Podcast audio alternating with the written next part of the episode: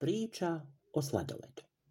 Jednom davno, za vrijeme hladne zime, sladoled je bio u svom frižideru, razmišljajući kakav se svijet krije izvan frižidera.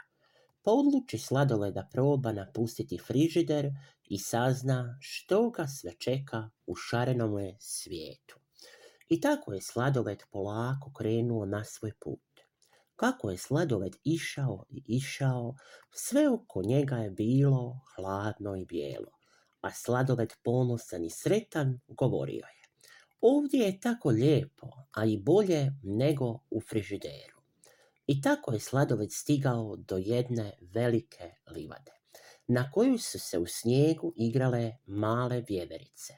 Kad su vjeverice ugledale sladoled, misle su da je to san pa su svojim rukama protrljale svoje oči, a sladoled im je sve više prilazio.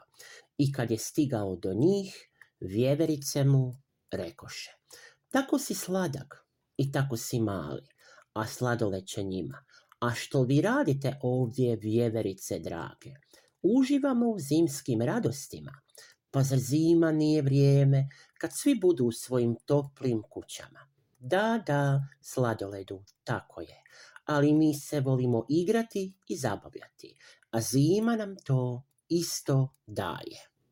A kako se to igrate za vrijeme zime? Znati željno će sladoled. Dođi s nama da ti pokažemo. Pa su tako vjeverice rekle sladoledu da sjedne u njihove saonice, pa su ga vozile po snijegu. Sladoled je sav sretan i ponosan, uživao u vožnji i kad su stigli do jedne zalađene bare, vjeverice su odmah počele klizati se po ledu. Sladoled je ostao u saonicama, gledajući kako se vjeverice zabavljaju. I one su ga zvale da im se pridruži u klizanju, ali sladoled je samo govorio da on ne zna kako će moći da se kliže i da je to jako opasno za njega i da će biti u saonicama i gledati kako se vjeverice zabavljaju. Kako je polako padao mrak, vjeverice rekoše sladoledu da idu u svoj topli brlog i da on može da ide s njima, ako želi. Sladoled je odgovorio, naravno da ću ići s vama i hvala na pozivu.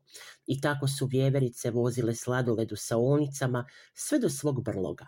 A kad su stigli do brloga, vjeverice su počele komentirati. Ako sladoled bude bio s njima u toplom brlogu, mogao bi da se otopi. Pa su mu vjeverice predložile da ide prespavati na vrh brloga i onda se ujutro opet budu skupa igrali i zabavljali. Sladoled se je složio s vjevericama i zaželjeli su jedno drugome laku noć. Noć je brzo prošla i svanuo je novi zimski dan. Sladoled se prvi probudio i počeo je da budi vjeverice. Pa zbog čega si nas tako rano probudio sladoledu? Vjeverice će njemu. Pa htio bih da se igramo opet i zabavljamo kao jučer. Dobro, dobro, sladoledu, samo da se nas dvije spremimo, pa ćemo se ići igrati. U redu, u redu, vjeverice, budem vas pričekao vani, ispred vašeg brloga. I kako je sladoled čekao vjeverice, odjednom je počeo jako da pada snijeg. Sladoled je gledao snijeg kako pada i to ga je učaralo, pa je se samo divio snijegu. Vjeverice su izišle van iz brloga i vidjele su da se sladoled divi snijegu kako on pata. Pa ga pitaše. Sladoledu, ideš s nama da se malo grudamo. A sladoled ih upita. Što vam je to grudati se? A jedna je vjeverica napravila grudu snijega i pogodila sladoled. Kad sladoled će njoj. Pa nemoj me gađati sa snijegom, to me boli. Poprosti sladoledu, nisam znala da će to da te boli. I tada je snijeg prestao da pada. A druga vjeverica reče tada, e, super, snijeg je prestao da pada. Sad bi mogli da pravimo snjegovića, jer praviti snjegovića od novog snijega, to je prava i super stvar. I tako su vjeverice napravile snjegovića ispred svog brloga, a sladoled se divio snjegoviću i govorio vjevericama kako je snjegović lijep, tako velik i bijel.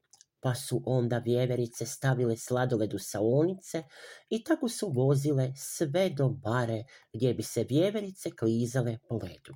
A sladoled je samo gledao kako se vjeverice lijepo igraju i zabavljaju, pa su tako sladoledu i vjevericama prolazili dani u igri i zabavi na snijegu. Zima je polako počela da završava, a tako su i počinjali topli dani. Kad jednog dana su se vjeverice i sladoled probudili, dan je bio pomalo sunčan. I još je bilo hladno, a ne kao što je hladno po zimi.